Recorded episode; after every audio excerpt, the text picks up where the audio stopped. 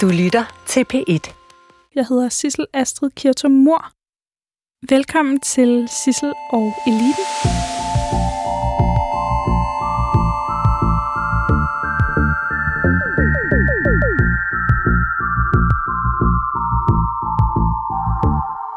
Anne H. Steffensen. Hvad står H'et for? Det står for Hedensted. Hedensted. Ja, det er en by i Jylland. Ja, det er en dejlig by i Jylland, Det er det nemlig. Som man ofte passerer, når man kører mod Aalborg. Ja, fuldstændig rigtigt. Hvor jeg har til brugt det meste af min barndom i omkring Aalborg. Ja. Jamen altså, det er en god start. ja, det må man sige. Og du er administrerende direktør for Danske Rederier. Det er rigtigt. Så du er jo en af de mest magtfulde kvinder og mennesker i Danmark. Jeg er i hvert fald en af de kvinder i Danmark, som har stor indflydelse, og magt og indflydelse hænger jo sammen. Det er jo sådan to sider af den samme mønt, så øh, ja, det kan man godt sige.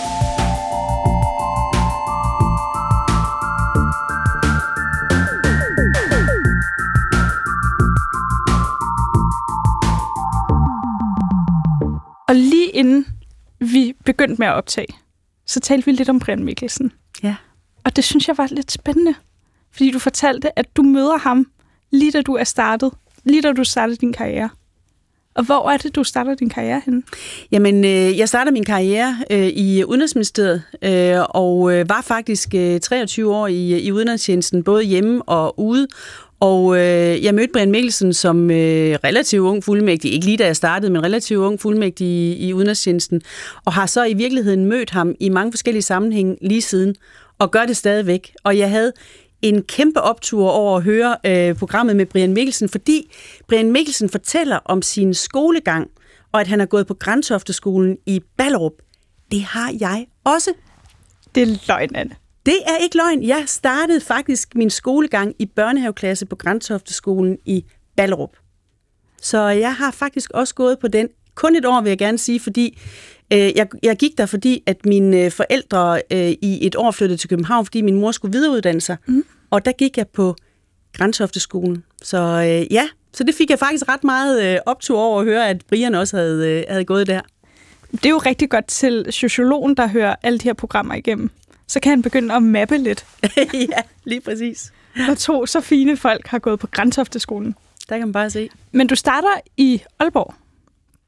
Ja, altså man kan bliver du sige... født? Jeg er født, i, jeg er født i Aalborg. Jeg er født på, øh, på Reberbanegade på det, der hed øh, Sygehus Nord i, øh, i Aalborg øh, i, i 1963. Mm.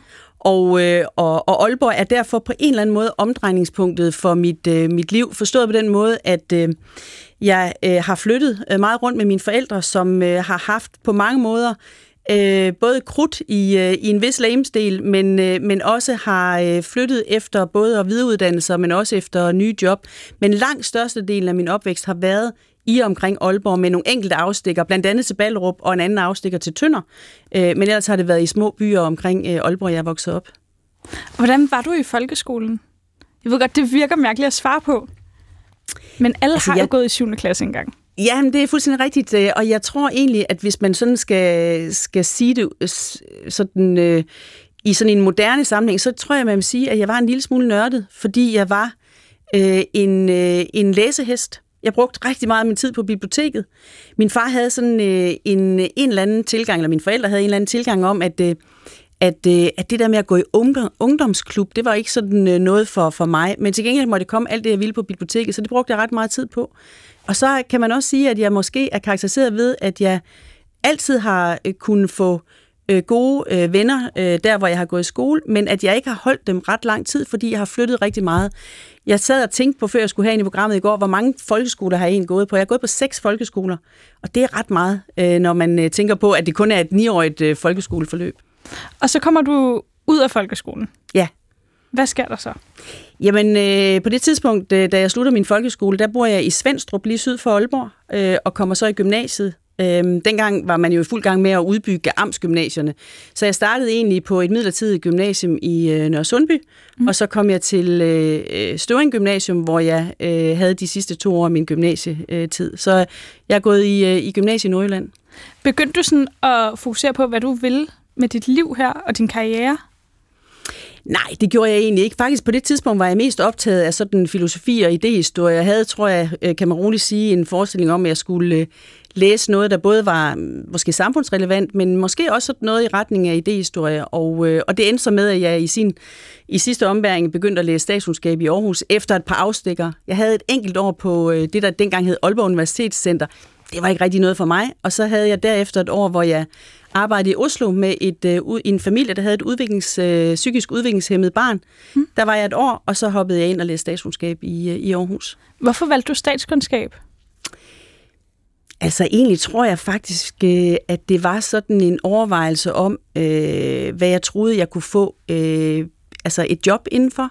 Mm. Fordi hvis man skal læse idehistorie, som ellers, jeg selv synes var enormt interessant, så øh, skal man være enten virkelig, virkelig skrab, eller virkelig, virkelig heldig at få et øh, job. Så jeg tænkte, at det var mere mainstream at læse øh, statskundskab, og derfor så tog jeg det. Så du tænkte simpelthen jobsikkerhed?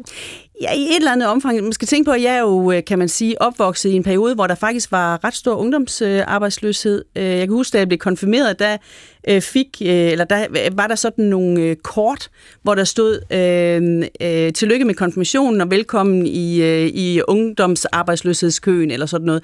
Altså, så der var, kan man sige, der en periode, hvor, øh, hvor der simpelthen bare var en, en anden stemning omkring det der med, om man kunne få job. Øh, og det var jeg ret bevidst om, øh, at, øh, at jeg skulle læse noget, så jeg var sikker på at få et job bagefter. Vidste du allerede der, at du havde flere for forretning og ledelse? Nej, overhovedet ikke. Og jeg vil gerne sige, at jeg har på intet tidspunkt planlagt mit liv på den måde. Altså, jeg var bevidst om, at jeg gerne ville have et job, men jeg har ikke planlagt mit liv på, på den måde, at jeg sådan har tænkt, at jeg skulle være leder, eller jeg skulle i forretning, eller øh, noget andet. Jeg har i virkeligheden lavet mig øh, tror jeg, kan man roligt sige, følge af den interesse, jeg nu har haft på et givet tidspunkt. Øh, og da jeg havde været øh, og læst i Aarhus i, øh, i vel tre år, tror jeg, mm. altså det, der svarer til en bachelor, det, det talte man faktisk ikke om dengang, men det, der svarer til en bachelor, så øh, jeg mødte min kæreste tidligt. Jeg mødte, faktisk min, min, min kæreste, som jeg stadigvæk er gift med, som nu er min mand, mm. i, i gymnasiet. Han læste i Aalborg, jeg læste i Aarhus. Han blev færdig før mig, fordi han havde ikke nogen svinkærner. Han gik direkte øh, ind og læste ingeniør, og så blev han øh, færdig som ingeniør, og så ville han gerne til udlandet. Og så fik han mulighed for at få et job i London, og det betød, at jeg samtidig øh, tog øh, et øh, spring fra statskundskab, og så fik øh, mulighed for at komme ind på det, der hedder London School of Economics i London, og læste en, øh, en mastergrad der på et, øh, på et år. Så det var, kan man sige, det første sådan rigtige afbræk. Og det, at, det, at jeg havde sådan en master, øh, grad fra, fra et øh, anerkendt øh, universitet i, i London. Meget fint den dag, ikke? Meget fint. Det, ja, det er meget fint, men det er også et, det, det er et super sted. Altså, og jeg vil bare sige, da jeg kom derover, jeg synes jo selv, jeg var ret flittig øh, på statskundskab i Aarhus. Da jeg så kom derover og mødte øh, de der mange studerende fra alle mulige lande, så opdagede jeg, at øh, det godt var, at jeg troede, jeg var verdensmester og virkelig klog og kvik. Oh, nej. Der var nogle virkelig, virkelig både øh, kvikke folk, men også folk, som havde læst, altså hvor jeg havde læst udsnit af hovedværker, så havde de læst hovedværkerne. Sådan kan man vist øh, roligt sige det. Så det var Hvad et, gjorde øh, det ved dig? Jamen det gjorde, at øh, jeg fik en vis øh, ydmyghed, men også en fornemmelse af, at øh, hvis man skal være med øh, blandt de bedste, så er man nødt til at stå tidligt op, forberede sig øh, og, og, og lægge noget energi i øh, det, man nu øh, har foran sig, hvad enten det er at læse noget, eller, eller det er et andet stykke job, der skal, skal laves. Så, så jeg lærte faktisk en hel del om, hvad det vil sige at øh, ja, skulle stå på stære for at være med sammen med de bedste. Og hvad gør det i Danmark, at du har gået på, på så fint et universitet og taget en master der? Jamen det gør, at øh, da jeg så kommer tilbage fra, fra London, øh, og i øvrigt bliver, bliver færdig, eller næsten færdig med at læse, fordi jeg begyndte faktisk at søge job, før jeg var helt færdig, så øh, var det faktisk utrolig svært for mig at få et job øh, i omkring Aarhus. Vi boede i Aarhus, min mand havde fået et job i Aarhus, vi har ovenikøbet fået et barn øh, sammen, øh, Marie, min, øh, min ældste datter, og, øh, øh, og så begyndte jeg selvfølgelig at søge job i Aarhus og omegn, fordi det gav god mening, fordi der var vi ligesom etableret, og du ved godt, familien var der, og mm. min mand havde fået et job. Og jeg tror, jeg, jeg underdriver ikke, når jeg siger, at jeg søgte øh, måske 50 forskellige jobs i sådan en radius af 100 km rundt om Aarhus, og fik ingen. Altså stort set ingen respons. Jeg tror ikke engang, jeg var til en eneste samtale. Her vil jeg gå i panik. Ja, og det, det helt ærligt, det gjorde jeg også. Og det er jo fordi, jeg voksede op i en fantastisk familie, men hvor man også har altså, haft en øh, meget høj grad af sådan arbejdsetik. Og det der med, ikke at kunne få et job, det, øh, det var faktisk øh, det var faktisk det var faktisk hårdt for mig. Og, og derfor så var jeg nødt til at sige til, til Lars, som jeg er gift med, mm. at, at jeg var nødt til at udvide øh, de steder, hvor jeg søgte job, øh, og dermed også øh, geografien i forhold til, hvor øh, jeg kunne få job henne. Hvad siger Lars til det? Jamen, jeg kan sige, jeg har gjort mange valg i mit liv, øh, og de fleste af dem har været gode, men den allerbedste er måske, at jeg har holdt fast i Lars, siden jeg var 17. Fordi man kan ikke være for forsigtig i valg af mand.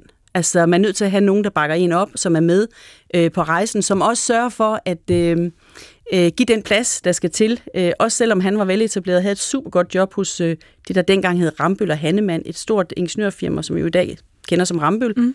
øh, så var han helt klar på det. Og, øh, og jeg vidste, at øh, det, jeg havde læst på London School of Economics, gjorde måske, at jeg kunne få et job i øh, København og omegn. Og så søgte jeg ind i Udenrigsministeriet, blev kaldt til samtale og fik jobbet. Så øh, det var mit første øh, rigtige job, og så flyttede vi hele Molevitten, den lille familie, til, øh, til København og, og bosatte os her. Sagde Lars sit job op? Ja, det gjorde han. Han sagde sit job op. Øh, han søgte øh, forskellige jobs i København og fik et job i København, og sagde selvfølgelig sit job op og, og fulgte med. Og så har han i øvrigt været en fantastisk mand, fordi han også har fulgt med mig, øh, når jeg har været udstationeret for Udenrigsministeriet. Mm. Så han er, øh, ja, en, en, øh, han har været en fantastisk livsledsager. Det her det er jo en stor undersøgelse af magteliten. Mm-hmm. Og jeg tænker, det er de første, der taler om deres ægtefælder. Især ja. så varmt, som du gør. Ja. Og er det, er det vigtigt at have den støtte? Altså, hvad, hvad kan det? Fordi det lyder næsten som sådan et parløb, når I også har været sammen så længe. Mm. Ja, det tror jeg med roligt, man kan sige, at det er øh, rigtig vigtigt og har været rigtig vigtigt for, øh, for mig. Øh, fordi at øh, hvis man gerne vil lykkes, øh, både privat og i ens arbejdsliv, og gøre karriere, og for eksempel som, øh, som mig øh, gør en synes, øh, altså på alle måder en god karriere, øh, som også har været krævende, så er man nødt til at have en, øh, en ægtefælle, som, øh, som er med øh, hele vejen og som støtter en. Øh, og det har Lars gjort hele vejen igennem, og han har så også, jeg har så også valgt ham med omhu, fordi han har et job øh, som ingeniør, som gør, at han også er nem at flytte rundt med. Altså, han kan rejse med, fordi at det er nemt for ham at få job, øh, både i udlandet og, og her. Tilsvarende vil jeg også sige, at jeg har støttet ham i hans øh, karriere og, og udvikling, men, øh, men det har på den måde været et, øh, et, øh, et parløb. Det er, jo, det er jo en genistreg at vælge en ingeniør. Ja, det kan jeg anbefale. Jamen, det, er, det er noteret. ja. Så er du i Udenrigsministeriet. Mm. Og der arbejder du dig jo op. Ja. Og hvordan gør man det? Jamen, det gør man jo øh, først og fremmest ved at øh, være fokuseret på de opgaver, man får. Altså, jeg tror, at, øh, og det har jeg kunne se på mange øh, kollegaer i Udenrigsministeriet, hvis man er alt for fokuseret på, at man skal gøre karriere, og mindre fokuseret på det, man er i på det tidspunkt, man øh, nu er i det, så, så bliver det rigtig svært. Så jeg har i virkeligheden aldrig sådan tænkt, at jeg skulle være kontorchef eller ambassadør eller noget andet, men tænkt, at jeg skulle have mest muligt af det, ud af det i, i det, jeg nu har siddet med. Og det har jeg gjort, og jeg har jo haft, kan man sige, en karriere, hvor jeg hele vejen igennem har haft børn. Så jeg havde Marie, da jeg startede Udenrigsministeriet, og, øh, og jeg fik øh, Nana øh, to år efter, øh, lige da jeg rejste til London på min første udstationering, og jeg fik Sine, mens jeg var i London. Så, så, så på den måde har jeg jo øh, skulle jonglere både det der med at gøre karriere, og samtidig have en øh, familie med mand og, øh, og børn. Og det gør man kun, hvis man er enormt målrettet og enormt fokuseret, og er, kan man sige, optaget af at lykkes i det, man nu sidder i, uden sådan at tænke alt for langt frem. Jeg talte med Ulrik Nødgaard sidste uge. Ja. Som jo også har siddet i din ministerie. Ja. Og han siger, at dem med spidse albuer, de overlever ikke. Nej. Er det rigtigt? Du nikker? Ja, og det er fordi, jeg tror, at øh, altså, det er en misforståelse, hvis man tror, at man kan komme frem i verden ved at have spidse albuer, fordi at, øh, at det kommer til at overskygge for rigtig mange andre ting, som er vigtigt øh, i forhold til, hvordan man lykkes arbejdsmæssigt. Altså, at man øh, kan etablere en god relation til sine kollegaer, at man kan lave et netværk, at man øh, kan øh, tænke øh, bredere end bare sig selv, at man kan se ud over sin egen næsetip, om du vil. Øh, og det, der øh, jo typisk kendetegner folk, som har meget spidse albuer, det er nogle gange, at så har de ikke så meget andet. Og, og, og, og alt det andet, det er det, der gør, at man lykkes.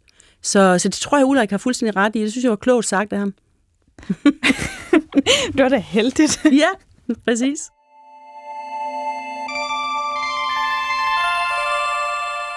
Hvad sker der på din første udstationering til London? Jamen, der sker først og fremmest det, at... Øh, Hvordan siger du det til Lars i øvrigt? Jamen, vi har haft den uh, aftale, Lars og jeg, hele vejen igennem, at, uh, at jeg har ligesom uh, valgt at være ansat i uh, Udenrigsministeriet, og han har uh, bestemt, hvor vi skulle hen. Og det har betydet, at uh, når vi har skulle søge om hvilke udposter, så har jeg taget uh, kataloget, om man så må sige, eller listen med hjem, og så har jeg sagt, Lars, hvor kunne du tænke dig at komme ind? Hvor tror du, du kan få et godt job? Øh, og det har været det makkerpar, vi har kørt, og han sagde, jamen, jeg kunne godt tænke mig at komme til London. Øh, også fordi han jo startede med at arbejde i London, da han var øh, færdig med at læse, og mens jeg læste på, på, øh, på LSE. Så, øh, så, så derfor kom vi til London første gang. Så søgte jeg det og fik det. Er der nogle steder, Lars har valgt fra, hvor du har tænkt, ej, det var lidt ærgerligt? Ja, det er der faktisk, fordi at øh, da jeg så skulle på min anden udstationering, så overvejede vi faktisk at tage til Asien, til Vietnam nærmere bestemt, oh. til Ho Chi Minh, øh, hvor jeg fik mulighed for at, øh, at kunne søge ud. Øh, og der var jeg nødt til at, at skifte, skifte, kan man sige, i... Øh, i processen og sige, nej, det kan jeg desværre ikke alligevel. Jeg bliver nødt til at søge til New York, fordi min mand tror alligevel ikke, han kan få job på grund. På det tidspunkt var der en finansiel krise, mm. som ramte, som gjorde, at øh, han ikke troede på, at de ville lave store infrastrukturprojekter, som, som er det, han øh, arbejder med. Så der må vi skifte i vadestedet. Så må man jo nøjes med New York. ja, ja det, det lyder jo helt øh, tosset, men, øh, men vi havde på det tidspunkt rigtig meget lyst til at skulle en tur til, til Asien. Øh, og det var fantastisk at komme til New York. Det var også en super by at, at være i, så, så, så, så der var ikke øh, ingen sure mine over det. Så bliver du på et tidspunkt ambassadør. Ja. Hvordan lykkes man med at blive det? Altså, der ligger jo, øh, kan man sige, mange forskellige jobs i øh, udenrigstjenesten, før mm. øh, man bliver ambassadør, og, øh, og også, kan man sige, ledelsesmæssige øh, øh, eller ledelsesjobs undervejs. Ikke? Så jeg havde både været kontorchef og afdelingschef og blevet en del af direktionen. Og når man sidder og er en del af direktionen i, i Udenrigsministeriet, øh, så har man mulighed for at kunne øh, komme i betragtning til nogle øh, rigtig gode øh, ambassadørposter. Og, øh, og jeg fik så mulighed for at komme til London som, øh, som ambassadør i, i 2011. Jeg spørger også lidt, fordi en af mine store drømme er bare lige at tage en ambassadørpost i et par år. ja. Hvad, hvad skal der til for det? Kan det på nogen måde lade sig gøre, Anne? Ja, det kan det jo. Øh, selvfølgelig øh, kan det det, men, øh, men man kan sige, at, øh, at det kræver nok, at man øh, bruger øh, nogle år af sit øh, arbejdsliv øh, i, øh, i udenrigstjenesten, øh, og at man, øh, om man så må sige, øh, øh, ja, at man, øh, at man øh, går nogle skridt igennem nogle andre ting, før man kommer til at blive, øh, blive ambassadør. Men hvis man nu, altså, jeg har ikke nogen uddannelse overhovedet. ja. Og mit job er jo lidt fjollet, kan man sige, ikke? Hmm. Jeg vil ikke sige, at dit job er fjollet. Jeg synes, at uh, dit job må være rigtig uh, spændende. Men det er sådan rigtig set spændende. Også, men sådan set også vigtigt, fordi du jo faktisk forsøger at, uh, at afdække, hvad der skal til, for at man bliver den, man er. Altså, og der tænker mm. jeg både personligt og arbejdsmæssigt. Det er rigtigt. Der er bare ikke så mange Excel-ark. Der er ikke mange Excel-ark. Det tror jeg ikke, du skal være ked af. Kan vi alligevel få mig kørt i stilling til en ambassadørpost? Altså, jeg vil sige, at øh, du skal i hvert fald starte øh, med, øh, tror jeg, at øh, få en eller anden form for, øh, for uddannelse som baggrund for, at øh, det kan komme dertil. Og så skal du se ind i udenrigsministeriet. Eller også skal du gøre det, som øh, jo er sket for nylig, nemlig at øh, regeringen er begyndt at udnævne øh, blandt andet politikere til øh, at kunne tage øh, forskellige typer af ambassadørposter. I første omgang er det Christian Jensen, som er blevet det, øh, for at sikre Danmark et, øh, et, øh, en plads i øh, FN's Sikkerhedsråd. Og, øh, og Christian Jensen øh, har øh, ikke en traditionel uddannelse for at være ambassadør, så, så man kan også gå den vej. Så må jeg jo melde mig ind i et politisk parti. så lad os, lad os spole frem til, at du jo har det job, du har i dag. Ja. Og jeg forstår ikke helt, hvad en direktør laver. Det er frygtelig pinligt, fordi jeg har spurgt alle, der har været herinde. Og det lyder som om, I laver nogle møder og uddelegerer noget arbejde. Men hvad, hvad er det, du laver, Anne? Jamen, det, jeg, mit arbejde består i, øh, vil jeg sige, øh, to ting. Det ene, det er jo hele tiden at være opmærksom på øh, de interesser, som de medlemmer, jeg har i, i danske rædderier, øh, har på et hver givet tidspunkt. Og, øh, og det er jo, øh, det er jo rædderierne, det er de vilkår, de driver deres rædderi på. Det er både i Danmark, men det er også øh, internationalt, og det er jo blandt andet derfor, jeg har det job, fordi jeg også har en international baggrund fra min tid i, i Udenrigsministeriet, fordi rederibranchen er så global, så det er ikke kun interessant at se på, hvad er det for nogle vilkår, der er i Danmark, men hvad er det også for nogle vilkår og noget regulering, som kommer fra EU eller fra øh, den globale organisation, som, som regulerer skibsfarten, som hedder IMO og som ligger i, i London. Så, så det er en del af mit arbejde. Den anden del af mit arbejde, det er i virkeligheden at tænke ud over øh, rædderiernes egen næsetip, hvis man skal sige det på den måde. Mm. Altså tænke i, hvad kan rædderierne, hvad kan vi som branche bidrage til, som er mere end os selv? Øh, og det er jo sådan noget med uddannelse, maritime uddannelser. Øh, det er noget omkring øh, praktikpladser, så vi sørger for, at der er en fødekæde af unge mennesker, som kommer ind i vores erhverv. Det er noget med at øh, kigge på, hvordan kan vi sikre, at, at skibsfarten bliver så klimaneutral, som den overhovedet kan øh, og så hurtigt, som, øh, som det, er, det er muligt. Så, så arbejde med det er også en del af mit, øh, mit job, og øh, den del af mit job, som jeg også holder meget af.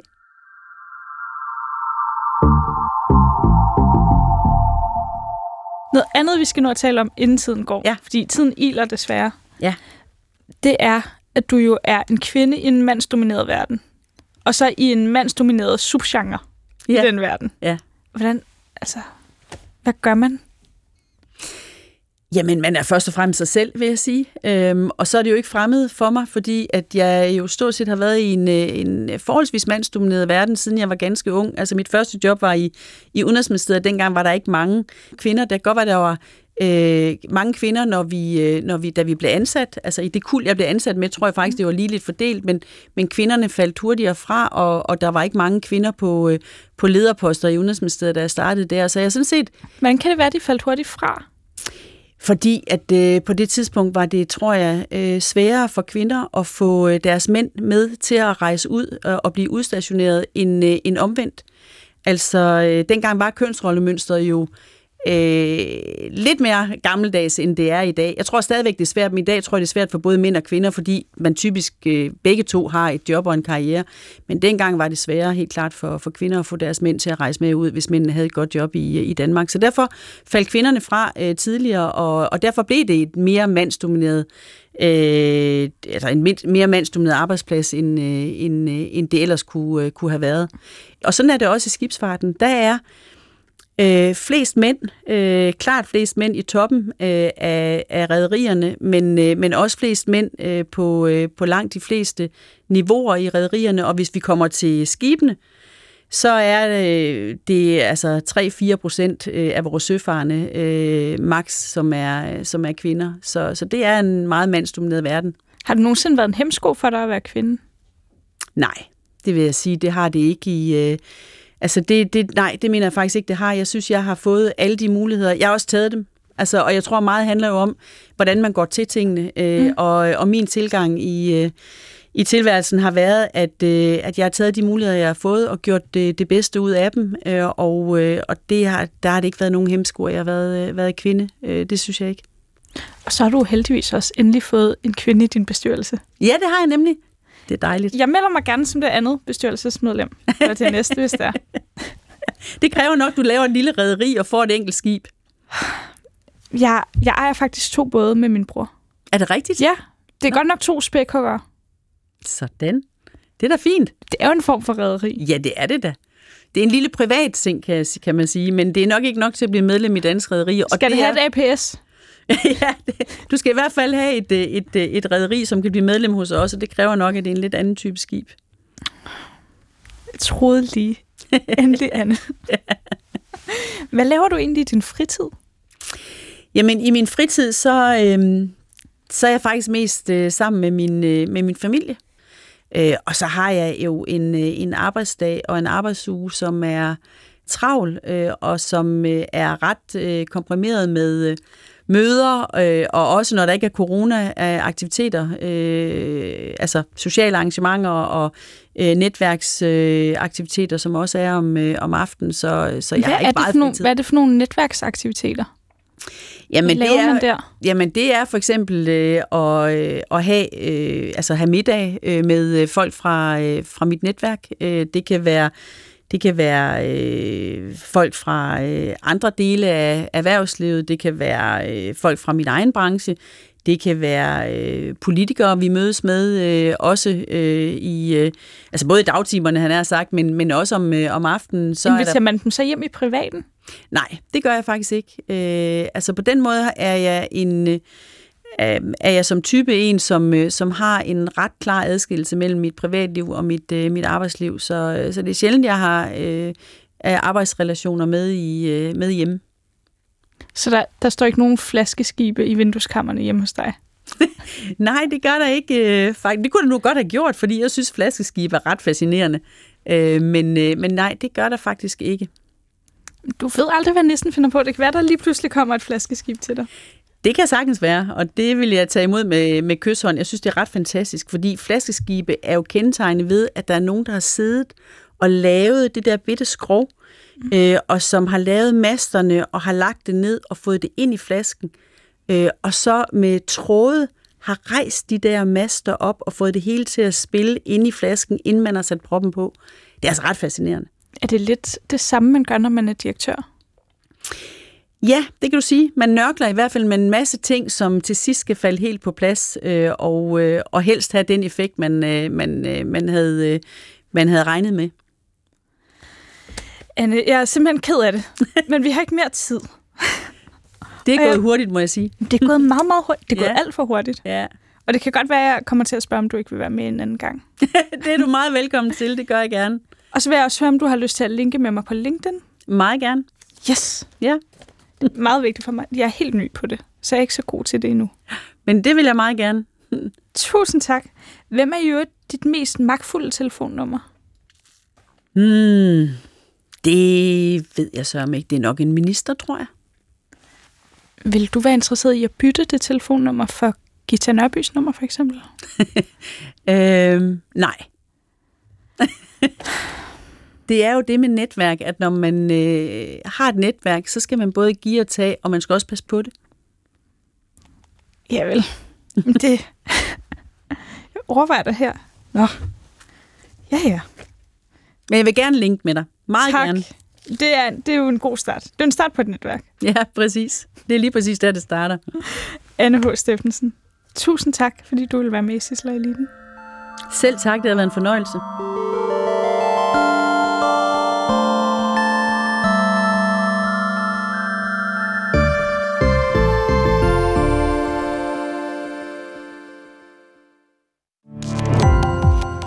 Gå på opdagelse i alle DR's podcast og radioprogrammer. i appen DR Lyd.